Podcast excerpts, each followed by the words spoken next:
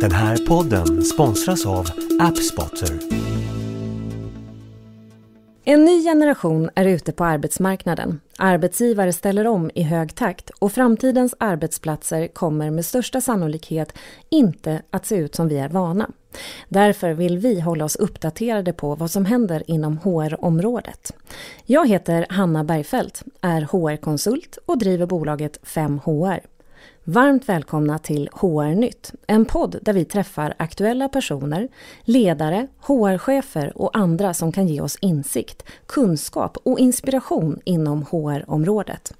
Först ut är Anders Rydell, legitimerad psykolog, specialist inom organisationspsykologi, verksam som organisationskonsult och föreläsare. Han deltar aktivt i den offentliga debatten kring arbetslivets olika utmaningar och är aktuell med debutboken Arbetet på jobbet. Varmt välkommen Anders! Stort tack, trevligt att vara här. Ja men supertrevligt att få träffa dig tycker jag. Mm, Arbetet på jobbet, vilken spännande titel! Ja, den eh, har, ju väckt en del uppmärksamhet. Det låter ju lite konstigt sådär va? Ja men det, det gör det. Ja. Vad handlar det om egentligen? Den handlar om eh, allt som vi håller på med på arbetet som kanske inte riktigt är, ingår i jobbet så att säga. Mm. Det, det, kan vara ett onödigt arbete eller ett dränerande arbete och sådär. Va? Så, med, med, med, undertiteln på boken är ju om bök och bröte i arbetslivet. Bök och bröte. Precis. Det låter så härligt på göteborgska sådär. Men vad kan det vara för bök och bröte? Ja, det kan exempelvis vara eh, destruktiv skvallerkultur på arbetsplatsen. Mm -hmm. Vilket är rätt vanligt och, och ställer till det en hel del. Mm -hmm. Skulle det kunna vara. Och en, hela, en hel del andra eh, kommunikationsmissar av olika slag. Missförstånd och och annat som man kan behöva ta tag i. Jag förstår. Hur står det till på arbetsplatserna runt om i Sverige tycker du? Vad är din uppfattning? Är det ja, mycket bök och bröt? Ja, alltså det brukar ju vara så när jag får den frågan att jag svarar eh, ja, det är jättebökigt och brötigt. Men jag inser ju också att jag blir ju inkallad när det är bökigt och, och, och eh, en del, del bröte. Så mm. det är klart att det finns massa arbetsplatser där saker och ting fungerar rätt så bra eller väldigt bra. Men vi vet ju att eh, exempelvis stress och utmattningsproblematiken den är ju stadigt på hög nivå och ser ju till och med ut att öka faktiskt. Så att eh, det antyder ju att det står kanske inte jättebra till eh, på många håll. Då. Vad tror du att det beror på? Massa olika orsaker såklart. Men man kan bland annat se en del arbetslivstrender som ställer till det en hel del. Arbetsmiljöverket har ju identifierat några sådana trender som är liksom generella trender mm. i arbetslivet. Exempelvis då också kan man se en ökad grad av byråkrati mm. som ju såklart dränerar folk. Eh, man kan också se en, eh, ett ökat fokus på eh, tillgänglighet och flexibilitet och sådär. Det går ju lite hand i hand också med den hybrida verkligheten som har dykt upp nu i det sista med, i pandemitider och sådär. Såklart, mm. och det tänker man ju ibland kan vara en flexibilitet och en ganska härlig frihet. Men du ser baksidan av det alltså? Alltså det är ju två sidor av det myntet såklart. Det är ju väldigt mycket positivt med den flexibiliteten men det kräver att man också som individ eller som som, eh, som team då på en arbetsplats eh, liksom sätter upp en del eh, ja, riktlinjer eller kommer överens om hur, hur ska vi förhålla oss till den här flexibiliteten. Det är inte alla som riktigt klarar av att hantera det och det är ju då det blir tokigt. Då blir det tokigt. Okej. Okay. Och sen var du inne på det här med eh, byråkrati och att det är någonting som kanske har blivit extra mycket nu. Vad handlar det om? Det är ju helt enkelt eh, att man kan se att det är ett överdrivet administrerande av olika slag på många arbetsplatser. Typexemplet som varit uppe i media och sådär är ju eh, läkare som blir sittandes med eh, olika typer av protokoll och dokumentationer istället då för att utföra sitt hantverk. Just det. det är ett typexempel, det blir väldigt tydligt i, i de lägena då att läkare blir sittandes med pappersarbete om man, om man ska kalla det för det då. Ja. Istället för att operera till exempel. Ja, det, det var ju ett väldigt mm. konkret mm. exempel ja. tänker jag. Kan man se det på andra sätt inom en HR-avdelning till exempel? Eller när du kommer ut som, som organisationskonsult, vad, mm. vad får du ta tag i då? Ja, jag skulle vilja hänvisa till ett begrepp som används i det här sammanhanget också när man snackar mycket om byråkratitrenden och det är ju det här med funktionell dumhet. Det har det forskas ju en del på faktiskt. En av de mest framstående på det området i Sverige är ju Mats Alvesson vid Lunds universitet. Funktionell dumhet innebär ju helt enkelt att man, man håller på med en massa eh, saker på, på jobbet som egentligen inte har med själva jobbet att göra då. Man gör det kanske av ren tradition eller så här har vi alltid gjort och sådär ett typexempel är så kallad mötesritualism. Då?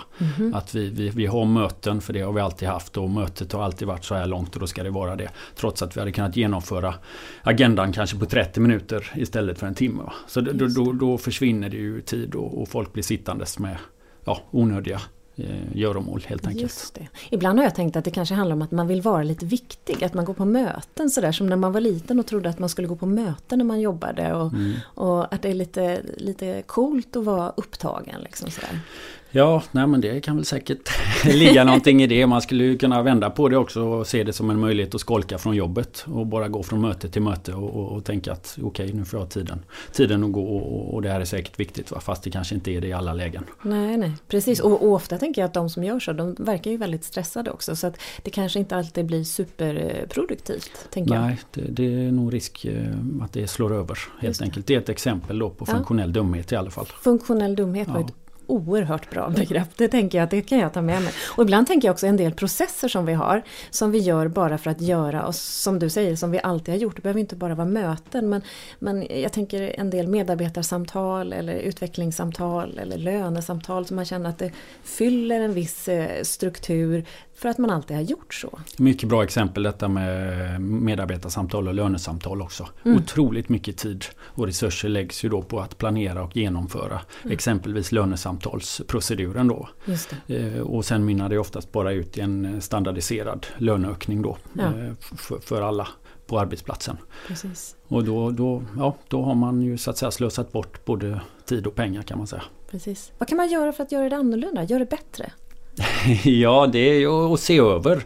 Man ska utgå då från Mats Alvessons forskning till exempel då, just kring funktionell dumhet så är det ju att ta en extra reflektionsrunda kring olika moment som man genomför på jobbet och inte gå på autopilot eh, lika mycket då. I vissa fall så kan man nästan uppfatta det som att eh, eh, det är viktigare att inte göra formellt fel enligt så att säga policyn mm. än att göra reellt rätt. Mm. Vad är så att säga vettigt för affärerna? Vad är vettigt för brukarna, patienterna, kunderna och sådär. Just det. Så ta en extra reflektionsrunda kring det helt enkelt i de olika momenten. Då måste man ju såklart ta med sig ledningen på det. Det kan vara svårt för en enskild medarbetare att ta tag i. Mm. Och när du kommer ut i organisationer och ska stötta då, vad är det första du tar tag i? Ja, alltså oftast när jag blir inkallad så ett paraplybegrepp vid beställning är ju ofta det här med stressproblematik eh, eller konflikter. Mm. är ju också vanligt.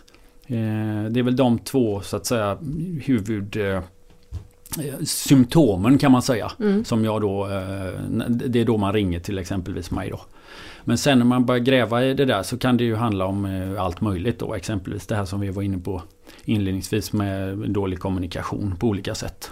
Vilket såklart kan mynna ut i både konflikter och, och stress. Precis. Och vad, vad, är det som har gått fel då när, när kommunikationen brister? så att säga? Vad är det som är vanligast? Ja, ett typexempel är ju vid organisationsförändringar av olika slag. Eh, där ledningen helt enkelt har eh, missat eh, att tydliggöra då exempelvis syftet. Och det tänkta goda syftet med organisationsförändringen. Mm. Vill man få med sig sina medarbetare på en organisationsförändring i en tid där organisationsförändringarna står som spön i backen. Så måste man se till att bakgrundsbeskrivningen och syftet är tydligt. För helst alla då. Just det. Och det, det, det, missar man ofta. Det missar man. Jag förstår och jag tänker ibland när man själv har kanske jobbat i en organisation med organisationsförändringar så kan ju ledningen eller HR vara involverade såklart i att planera denna organisationsförändring ganska länge innan man kommunicerar ut det. Jag tänker att det kanske finns en risk där att man, man själv är så införstådd med syfte och var vi är i processen så att man inte riktigt har fått med sig den stora massan. Liksom. Ja men det, det, det, tror jag du har helt eh, rätt i. Alltså, men det är ju också såklart en god idé att det är eh, välplanerat och mm. väl genomtänkt. Eh, för, för det är det ju ofta det finns ju oftast ett tänkt, ett, i alla fall ett tänkt gott syfte med mm. en organisationsförändring. Och det är klart att det är viktigt att alla liksom får, får till sig det tänkta goda syftet. Men så är, är då inte fallet när en eh, ledning eller chef så att säga ska eh, beskriva den här organisationsförändringen och så är det som du säger att eh, man, man, tror att man är tydlig. Mm. För att det är så tydligt i sitt eget system. Det. Men det är ju absolut inte tydligt för omgivningen då. Nej. Vad kan man göra då för att bli tydligare?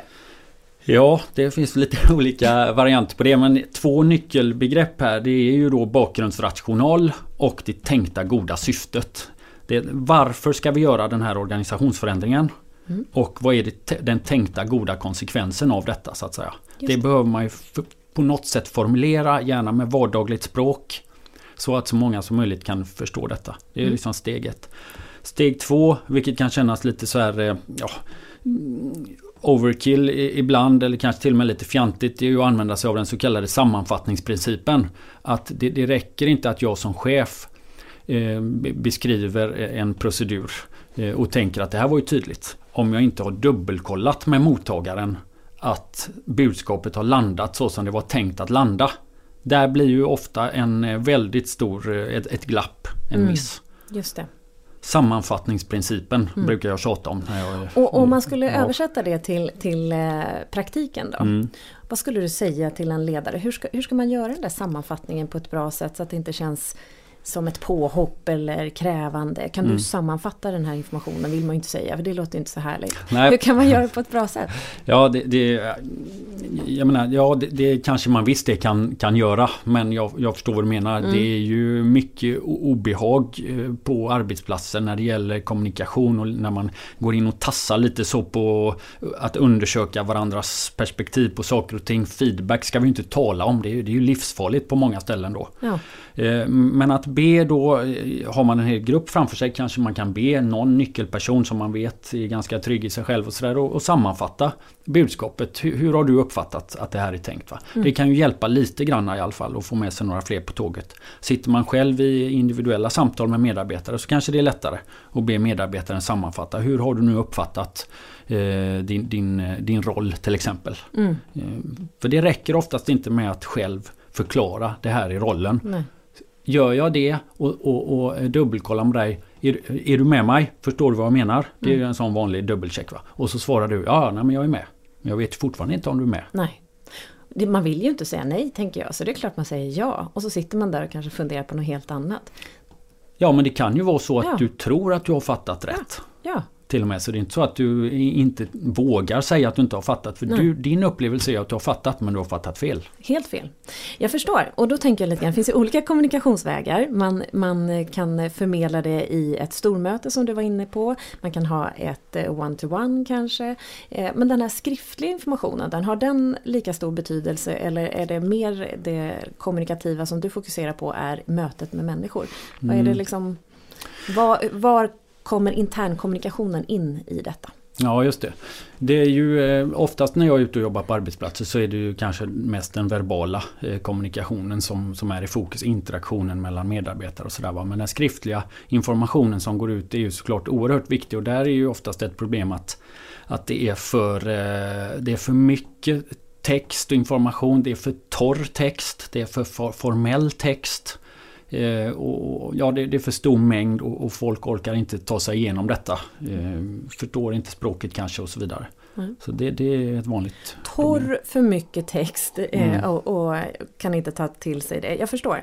Men, men vad är liksom tipsen för att göra det här bättre nu eh, utifrån hur du ser på det? Vad ska man göra då om man sitter där och känner att okej, okay, vi har för torr information, vi har för mycket information mm. och våra medarbetare får inte med sig det. Vad, vad är de bästa knepen till förändring?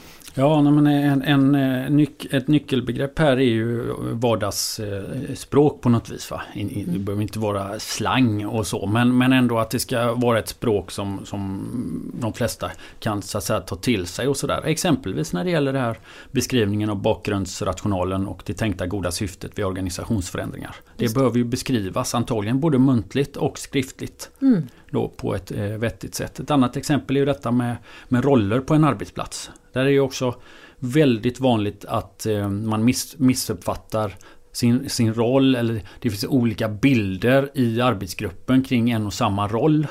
Eh, och, och, där har ju då forskningen på välfungerande arbetsgrupper visat att det är oerhört viktigt att eh, man har då ungefär samma bild av samma roll så att säga. Vad då menar du? Ja, jag menar att om du till exempel är chef mm. för, för tio medarbetare. Och de tio medarbetarna har olika uppfattning om vad din roll som chef innebär. Vad ska du som chef hålla på med på dagarna? Mm. Du har tio olika eh, perspektiv riktat mot dig. Just det. Hur blir det? Det där känner jag igen ja. Anders. Det där, alltså, och sen så kan man ju om man då är lite en sån person som, som vill vara till lags, då kan man ju försöka kliva in i tio olika roller för att möta alla olika förväntningar om man då eh, som chef inte har så lätt att navigera i det där heller. Alternativt att man vet inte alls vad förväntningarna är från de olika personerna. Det, det, är ju himla klurigt. Ja, det blir lätt kaos alltså. Va, vad gör man då? Ja, men då jobbar man ju med så kallad rolltydlighet. Mm. Eh, mhm. där man försöker då klargöra Eh, vad som ingår i rollen och vad som inte ingår i, rollen. Och det är inget konstigt att göra ett sånt arbete. Det behöver man göra på de flesta arbetsplatser. Mm. Eh, däremot så är det lätt att, att, tro att man inte ska behöva göra det. Och då blir det ju trubbel. Man lägger inte tid på att arbeta med rolltydligheten. Okej, okay. och när, när ska man göra det här? Ja, det behöver man ju då avsätta tid till. Vilket ju många så att säga arbetsgivare eller arbetsplatser bedömer att de inte har. Så att det här är ju då ett pussel att lägga. Men vill man få till en välfungerande arbetsplats, en välfungerande arbetsgrupp så behöver man fokusera på eh, de här bitarna. Exempelvis en god eh, rolltydlighet. Just det. Vem gör vad och för vad förväntar vi oss av varandra? Ja, precis, precis, Om du tänker dig ett professionellt idrottslag mm. Eh, så är ju rolltydligheten väldigt god i det laget på planen. Alla har koll på sin egen roll, vad de har för ansvar och de har också stenkoll på varandras roller. Och alla har ungefär samma bild av vad vänsterbacken ska hålla på med på arbetstid så att mm. säga. Mm. Eh, och detta gäller ju såklart också i ett arbetslag eller ett arbetsteam. Precis. Mm. Och att vilja göra varandra bra kan jag tänka på ibland. Att, att inte bli någon konkurrens då. Vem är det som är vänsterback och ska göra mål? Eller det är kanske inte backen då i och för sig Anders. Jag, mm, du hör ju vad bra vara. jag ja. Eh, drar sportreferenser. Ja. Men, men jag tänker att, att eh, det kanske är viktigt att man vet vem som ska göra vad och att vi hjälps åt för att göra varandra bättre i våra olika roller. Ja, och där, där kommer man in på detta med acceptans av rollkartan också. För jag mm. menar, det kan ju vara så att alla förstår rollkartan, laguppställningen ungefär på samma sätt. Men vi har två, tre stycken som helt enkelt inte håller med om att det här är det bästa laget att ställa på planen. Eller man tycker att den rollen som Kalle har där, där borta, den borde Stina ha istället. det. det är lite så konkurrensinstinkt, avundsjuka eh, och så vidare som, som kan ställa till det. Ja, just det. Och då förstår jag, då blir det en typ av konkurrens och så finns det massa åsikter och man tycker den och den inte gör det Då, då förstår jag nog kopplingen lite som du pratade om det här skitsnacket eller destruktiv, destruktivt skvaller tror du kallar det. Precis, destruktivt historieberättande på arbetsplats som man då kallar för skvaller. Ja. Eller kan kalla för skvaller. Ja. Och det, kan ju, det uppstår ju väldigt ofta kopplat just till det, det här med rolltydligheten. Ja. Man är inte överens om vad som ingår i arbetsuppgifterna. Just det, och då pratar man om varandra istället. Mm, det är ju risken att man halkar in i det och börjar sätta etiketter på varandras personlighet och så, så vidare. Och så blir det interpersonella konflikter. Trots att det egentligen i grund och botten handlar om en bristande rolltydlighet på mm. arbetsplatsen. Mm. Och då är, blir det ju jättetokigt om man går runt och, och, och börjar attackera sina kollegor för att de är tokiga. Just det. Mm. jag fattar. Men ibland tänker jag skvaller, det, det, låter ju så negativt laddat, det är ju negativt laddat. Men finns det ingenting bra i det där? Finns det ingenting så lite sam... Eh, eller lite skapa en gemenskap och lite en enighet i att vi pratar ihop oss, vi i den här gruppen och de där borta är så knäppa eller vad det nu kan vara. Det finns ju ingenting som enar så mycket som, som någon utanför gruppen. Eller har jag fel? Ja, nej du, du är helt på rätt spår. Mm. Möjligen förutom det sista när du mm. nämner att de där borta är knäppa. Va? För ja. då, då är det möjligt att man liksom börjar bygga upp någon slags vi och dem eh, ja. Eh, upplägg. Då, det, det, kan ju ställa till det. Men absolut, det är ett socialt kit på en arbetsplats. Mm. Man blir ju inskolad i kulturen via positivt skvaller. Mm. Eh, och, och eh, positivt skvaller vid kaffeautomaten. Eh, någon berättar någon rolig historia och så vidare. Jag menar, sånt ska vi ha kvar. Det. det. är ju, skapar ju gemenskap och så vidare. Precis.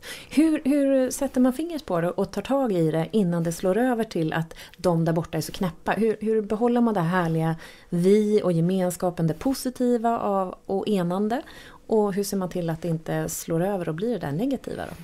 Ja men det, då behöver man ju då jobba löpande med eh, de här bitarna. Några av dem har vi ju nämnt. Bland annat eh, det här med tydligheten kring organisationsförändringar, tydlighet kring eh, vilka roller man har. Ett annat exempel är ju att ha en tydlighet kring målet för arbetsgruppen. Vad är det vi ska så att säga producera? Varför finns vi till som arbetsgrupp? Det, det, låter kanske jättekonstigt men på vissa arbetsplatser så har ju, har ju många nästan glömt bort det. Eller det verkar så i alla fall. Att man har tappat fokus. Och har man fokus på varför vi finns till så kan det fortfarande vara så att folk har olika uppfattning om varför vi finns till. Det ställer mm. ju till det också. Eh, Verkligen. Ja. Och det tycker jag man kan se på många olika avdelningar. Och eftersom jag kommer från HR-sidan så tycker jag att man ser att vissa HR-avdelningar de agerar ju mer en, en, en polisfunktion som ska kontrollera. Och andra HR-avdelningar jobbar mer bara att administrera, administrera personaladministration. Mm. Och då kanske man kommer in och har en bild av att vi ska bidra med affärsnytta och utveckla verksamheten. Då kan det bli rejäla krockar där, det är min upplevelse. Så det är ja. nog helt sant med mm. Förväntningar och rolltydlighet är viktigt. Mm, det, det, det, verkar vara oerhört viktigt. Det är liksom grundpelarna utifrån eh, mycket av den ja, så kallade teamforskningen som finns då man forskar på så kallad teamfunktionalitet. Vilka är de viktiga funktionerna för att ett team ska funka? Jag tänkte på det här med, med, med skvaller du var inne på också.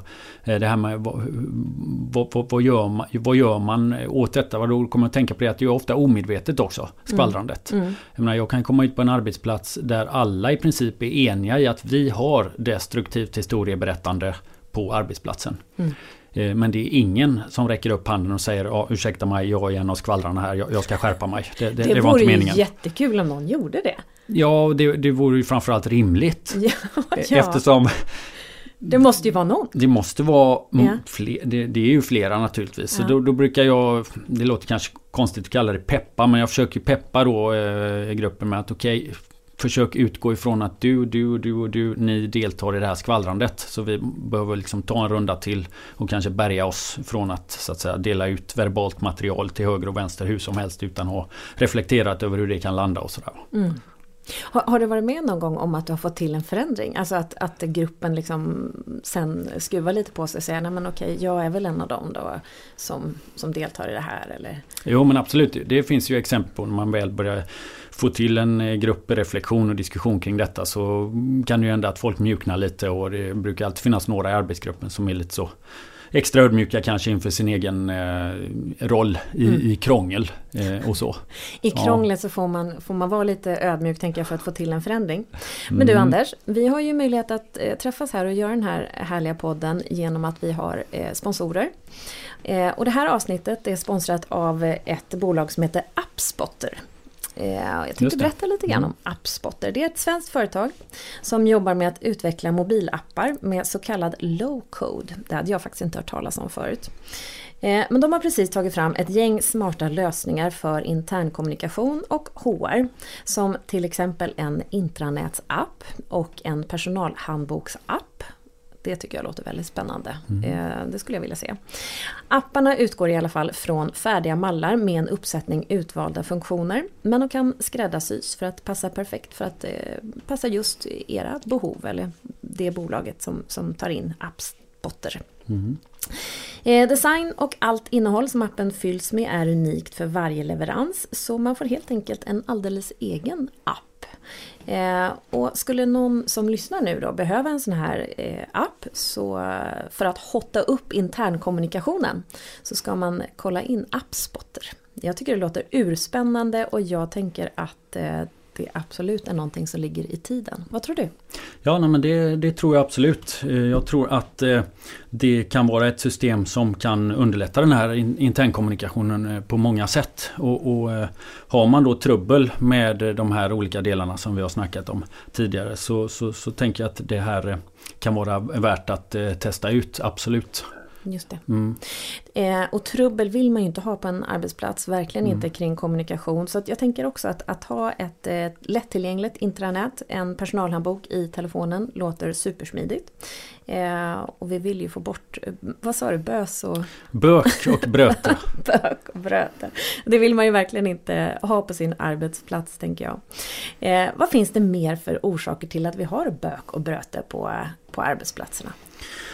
Ja, det är ju eh, bland annat, eh, det finns, det finns många olika faktorer. En annan eh, faktor som jag gärna lyfter fram det är ju den här bristande då reflektionsarenan. Alltså att man inte har någon då plattform kan man säga för att ställa frågor, dela med sig av blunders av olika slag.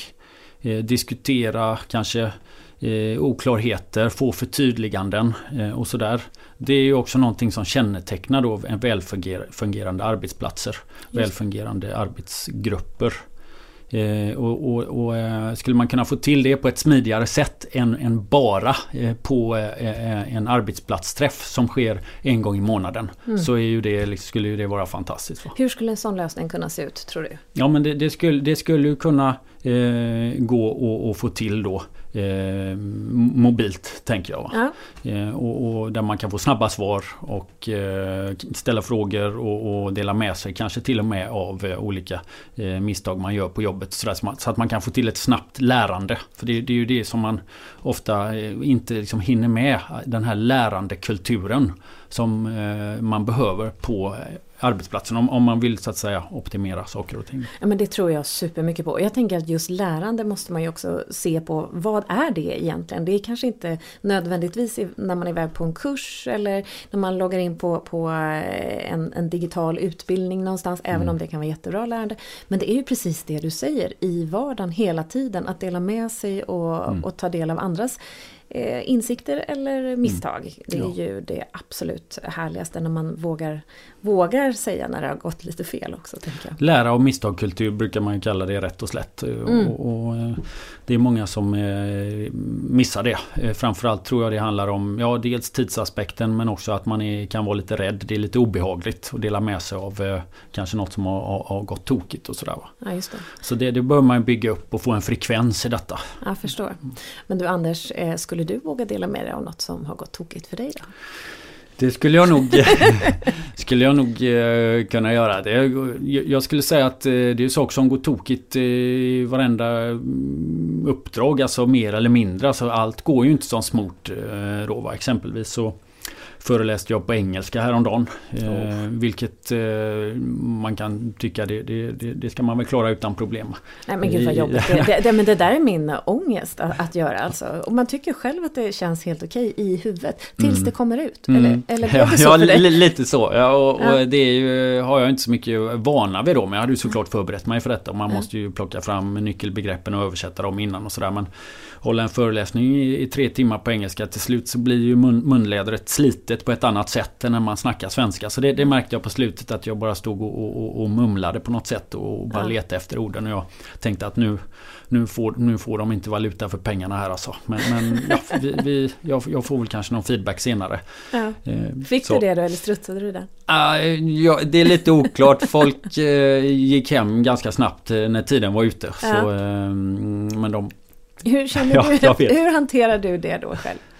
Nej men då, eh, då är det ju lite så självkritik eh, som gäller. Och, eh, men det, det, där har jag nog lärt mig att okej, okay, utveckling, utvecklingspotential finns alltid.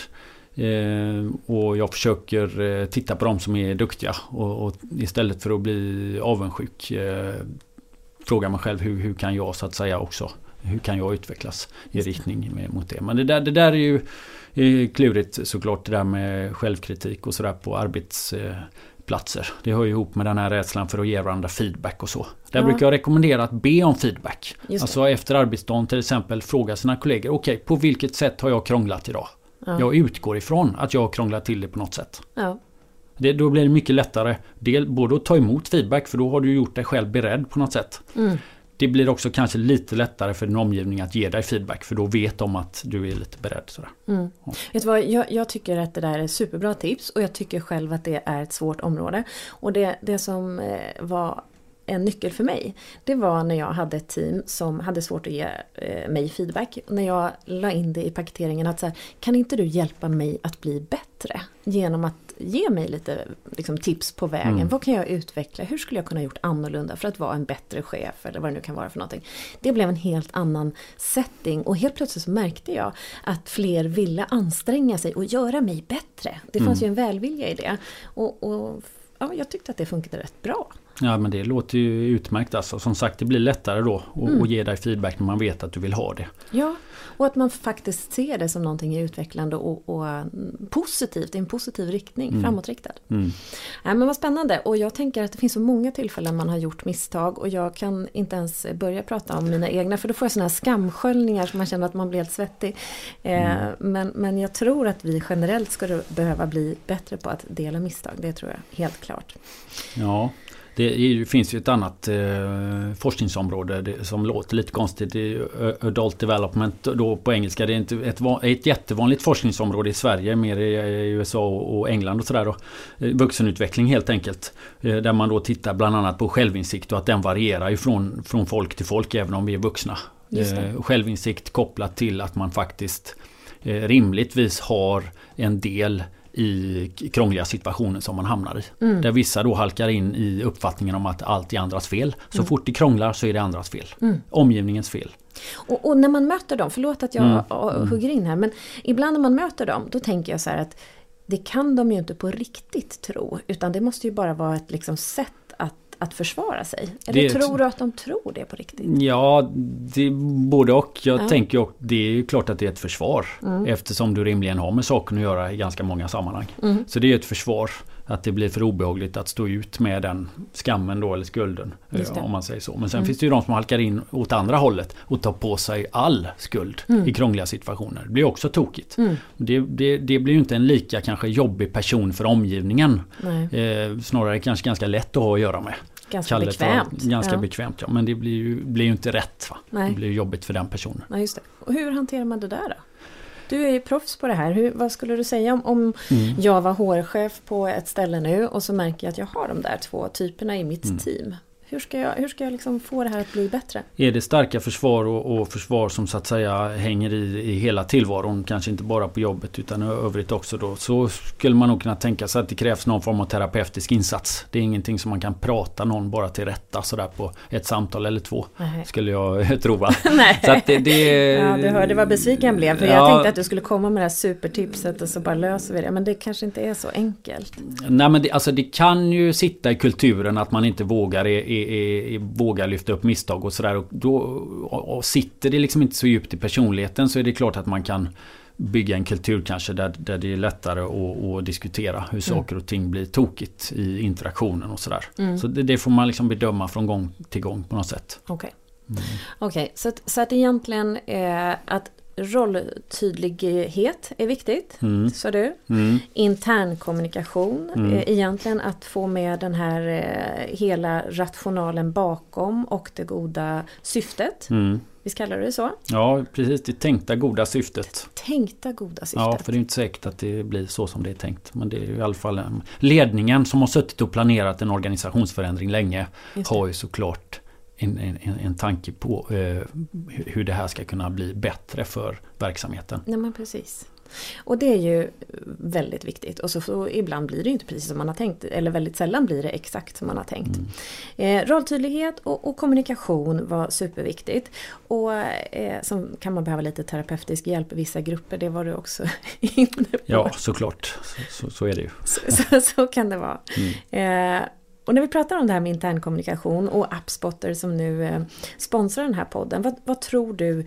Eh, finns det några fördelar eller snarare finns det några nackdelar och risker med att ha en, en sån typ av internkommunikation i, i en app?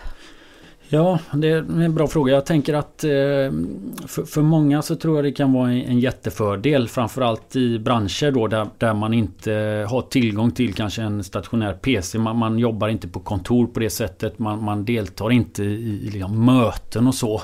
Eh, dagligdags utan man är, man är ute och arbetar. Mm. så att säga.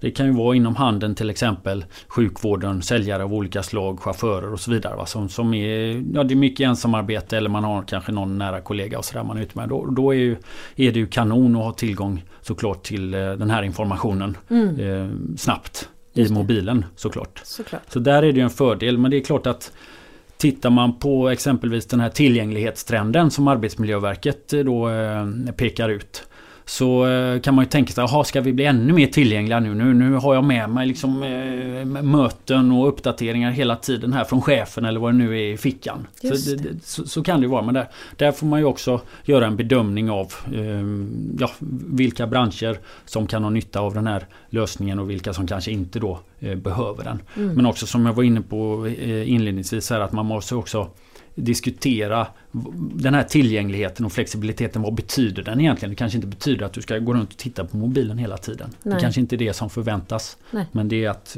du kan göra det i alla fall en gång om dagen kanske. Vilket inte har varit möjligt tidigare. Nej.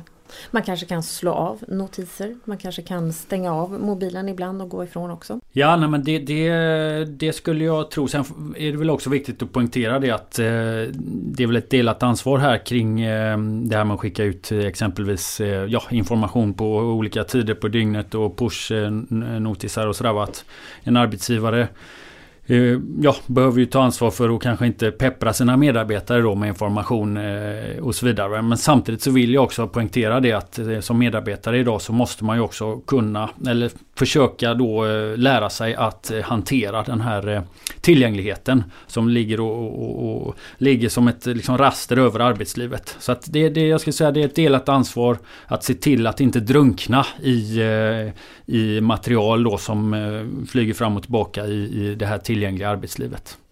Det är ju inte bara kopplat till Appspotter tänker jag, utan det är kopplat till, till eh, livet i stort. Jag tror att eh, allt för många fastnar i sociala medier och annat när man borde göra någonting helt annat. Och mm. borde man inte göra något helt annat jobbrelaterat så borde man kanske bara ta en paus och, och låta hjärnan få lite fritt eh, utrymme tänker jag ibland. Ja. Men det är ju ganska svårt. Ja, det, det, det, är svårt. Det är en arbetsuppgift i sig själlt i mm. dagens arbetsliv. Att faktiskt strukturera upp sin tillvaro.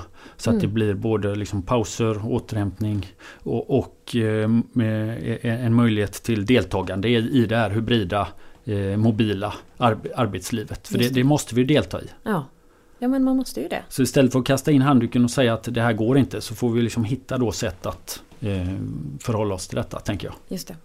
Men du, en vanlig dag på jobbet för dig, hur ser den ut? Nu vet jag att du var och föreläste mm. igår och så mm. häromdagen var du och hade en förfärlig dragning på engelska. Då. Ja, i förrgår ja. ja. vad, vad, är en vanlig dag på jobbet för dig? Hur ser din hybrida arbetsplats ut? Ja, det är ju eh, det är en blandning mellan föreläsningar kan man säga och eh, mer kliniska eh, uppdrag. Och med kliniska uppdrag så menar jag ju då att jag är ute på arbetsplatser och liksom arbetar praktiskt med en arbetsgrupp till exempel eller med en chef. Nu i det sista så har jag blivit anlitad eh, för att facilitera konfliktmedlingsprocedurer.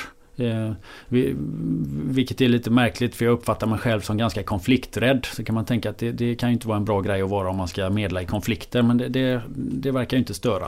Nej. Eller så är det en missuppfattning att jag är konflikträdd. Jag, jag vet inte. Nej. Men det där är ju ett vanligt eh, uppdrag i min arbetsvardag. Okay. Att folk har rykt ihop på en arbetsplats av olika anledningar och så medlar jag helt enkelt. Hur tar du dig an det?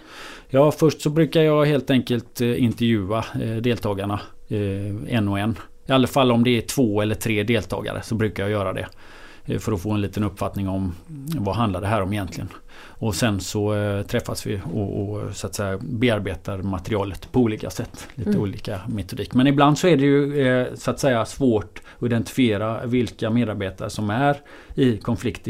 Man tänker att det är hela arbetsgruppen. Mm. Och då kan man göra en konfliktmedlingsinsats för en hel arbetsgrupp. Och då snackar vi skarpt läge. Ja. Då kan man inte gömma sig. Va? Utan då, då gäller det att vara med. Och, och... och rent konkret, hur går det till? Jag blir supernyfiken. Det här vill jag göra. Ja, det förstår jag. Ja. Eh, det, det, mm, kan exempelvis gå till så att man eh, man, eh, man träffas då på en hyfsat neutral plats. Helst inte i liksom kafferummet på jobbet utan någonstans där det är hyfsad lugn och ro. Man kan känna att här, här kan vi arbeta igenom detta tills vi är klara. Så, så man får ju åka iväg kanske minst en dag någonstans. Eh, och sen så kan man då exempelvis arbeta efter utcheckningsprincipen. Vilket innebär att eh, målet är att samtliga i arbetsgruppen ska checka ut från konflikten. Och när alla har checkat ut så har man så att säga skrivit under på att okej okay, nu, är det inget, eh, nu är det inget krångel. Nu, nu fokuserar vi på, på arbetet. Nu är vi klara. Och när kan man då checka ut? Ja. ja det kan man göra om man uppfattar att man inte har någonting eh, krångel med någon av sina kollegor eller chefen då. För chefen behöver ofta vara med i, i så att säga den ringen också. Mm. Eh, då kan, då kan man möjligtvis få checka ut. Men innan du får checka ut, om det nu är då du till exempel som känner att du är fine med alla. Mm. Så måste vi ju kolla om alla är fine med dig. Det är ju inte säkert. Nej, det är inte. Du kanske har två kollegor där som har, har rätt mycket som Irriterade de är reda med dig. Ja visst, förstår det. Då reder vi det. Inför öppen ridå reder vi med det. Ah. Reder vi med det. Tills de har fått svar och så bemötande från dig. De känner sig nöjda. Bra. Och vad händer om de inte blir nöjda? Jag kanske är skitjobbig. Mm, nej men vi, vi nöter. Nöter? Vi fortsätter. Ja. Tills de blir nöjda? ja det är det som är, ja precis. Åh, men du som är lite konflikträdd, det, det måste ju vara ganska jobbigt för en del faktiskt som är konflikträdda i det här. Ja det, det är ju en jättejobbig insats.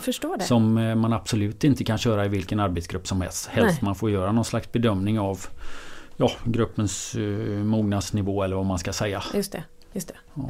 Men vet du, jag tror så himla mycket på det där. Jag, jag är ju... eh, Jag kan ju skruva på mig bara vid tanken med att höra det. Men att gå in där det skaver och faktiskt trycka till lite. Nu låter trycka till väldigt negativt, det var inte så jag menade. Men, men att eh, reda upp det för att det ska bli bra. Det tror jag är så viktigt. Annars går det bara omkring och blir infekterat ännu mer. Ja, ibland så gör man ju en massa insatser på arbetsplatser. Mm. Konsultinsatser av olika slag. Och så är det många som uppfattar att det blir bara en eh, skri skrivbordsprodukt och sådär. Och, och då kan det hända att man har träffat fel. Mm. Att man hade behövt göra något lite mer, något lite skarpare så. Mm.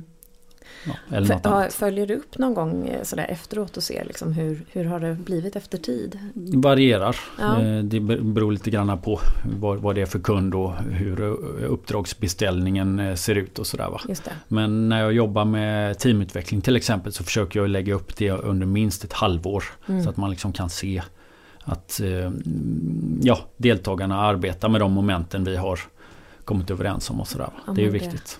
Ja, för det, det är ju superviktigt så att man inte bara sitter och gör en punktinsats och sen så går alla omkring och spelar teater. För det tänker jag, det, det fyller ju inte något syfte överhuvudtaget. Nej det går ju inte. Nej. Så det, det du kan komma med med en punktinsats, exempelvis en föreläsning, det är ju att leverera ny kunskap till folk. Just det. Men sen måste ju den användas och omsättas i praxis, annars så blir det ju ingenting. Nej. Där är själva lärandet sker, tänker jag. Mm, ja. jo. Och spännande! Och, och man skulle vilja vara en fluga på en vägg en dag när du har den där konflikthanteringskursen. Jag, jag hänger med dig nästa gång tror jag. Det, Ja, det blir väldigt det- spännande. vi, vi får se om gruppen tolererar att ha en eh, publik eh, i just bakgrunden. det. Du vet. Nej, det är Ja. klart, det, det kanske inte passar så bra. Nej, jag förstår. Mm. Men det låter ju som att du har en väldigt hybrid eh, arbetstillvaro. Och, eh, jag har ju läst lite i din bok, så där. jag kunde ju läsa i, i inledningen där om att du har ju haft otroligt många olika typer av jobb. Fantastiskt, vilken väg! ja, det stämmer. Vad, vad är du lite rastlös av dig? Ja, no, men det, så kan det nog vara ja. Ja, Absolut. Så det, det, det, det är väl grunden till att det har blivit så många olika typer av arbeten. Men när jag väl eh, så att säga mm, utbildade mig till psykolog så är det ju den vägen jag har liksom gått sen rent arbetsmässigt. Så att där har jag ändå hållit mig, eh, hållit mig på, på banan så att säga. Men man vet inte vad som, vad som händer eh, i framtiden ju såklart. nej. Vad skulle drömjobbet vara om du inte var psykolog? Ja, jag har varit li- lite inne på eh, detta här med journalist, eh, journalistprogrammet. Alltså journalistarbetet eftersom jag tycker väldigt mycket om att skriva. Mm. Och, det verkar ju som att jag har någon form av undersökande hållning till krånglet i arbetslivet och sådär. Så det, det kanske skulle vara en, eh, en möjlighet, inte vet jag. Nej. Men det, du frågar om drömyrke Ja, ja. och ja, det skulle kunna vara. Perfekt. Ja. Det, det tycker jag låter jättespännande. Och så tänker jag att det passar ju ganska bra att vara konsult också. Det är ju det spår som jag själv har tagit nu. När man vill se lite olika, göra lite olika saker så Mm. är det ju toppen. Ja, men det, det- är my- mycket bra. Då kan man ju avsätta tid också till, till att skriva och sådär. Vilket Ja. jag ju pysslar med en del. Så.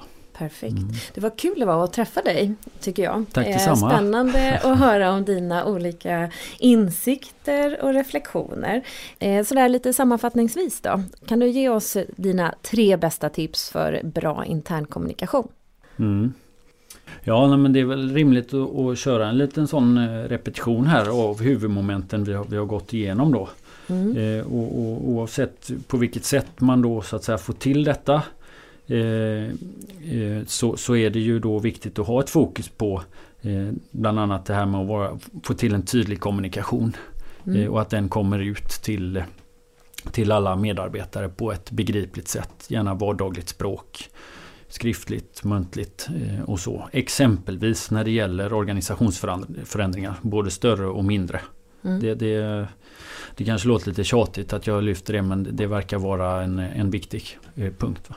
Och sen så är det ju detta då med att ha någon form av plattform där man kan dela eh, erfarenheter i smått och stort från arbetsvardagen. Mm. Eh, vilket då kan bidra till att bygga den här lärandekulturen. Eh, och gärna också om det är möjligt eh, möjlighet att ställa frågor då, få snabba svar, dela med sig av misstag eh, och sådär. Så att alla kan, alla kan se det och lära sig av det. Mm. Det, det, det, är den andra punkten. Och sen den tredje då så kan vi väl slå ihop det här då med att det är viktigt med att ha en tydlighet kopplat till eh, mål och roll. Varför finns vi? Varför finns det här teamet? Varför finns verksamheten i stort? Det måste också finnas en, en vettig så att säga bild av det. Eh, och även rolltydligheten då. Just det. Mm. Förväntningar på varandra var du inne på. Kring ja. rolltydlighet. Ja precis. Och, och, eh, ja, träffas man inte så ofta på jobbet och sådär. Och, och så kan det ju vara lätt att man halkar iväg med uppfattningen om varandras roller och sådär. Och då är det bra att ha något som liksom knyter ihop, håller ihop på något sätt löpande. Just det. Ja. Nu kanske inte det kommer synas här men du, du visar ju det ganska ja, visuellt ja. hur man knyter ihop det. Jag tycker att det är väldigt det, bra.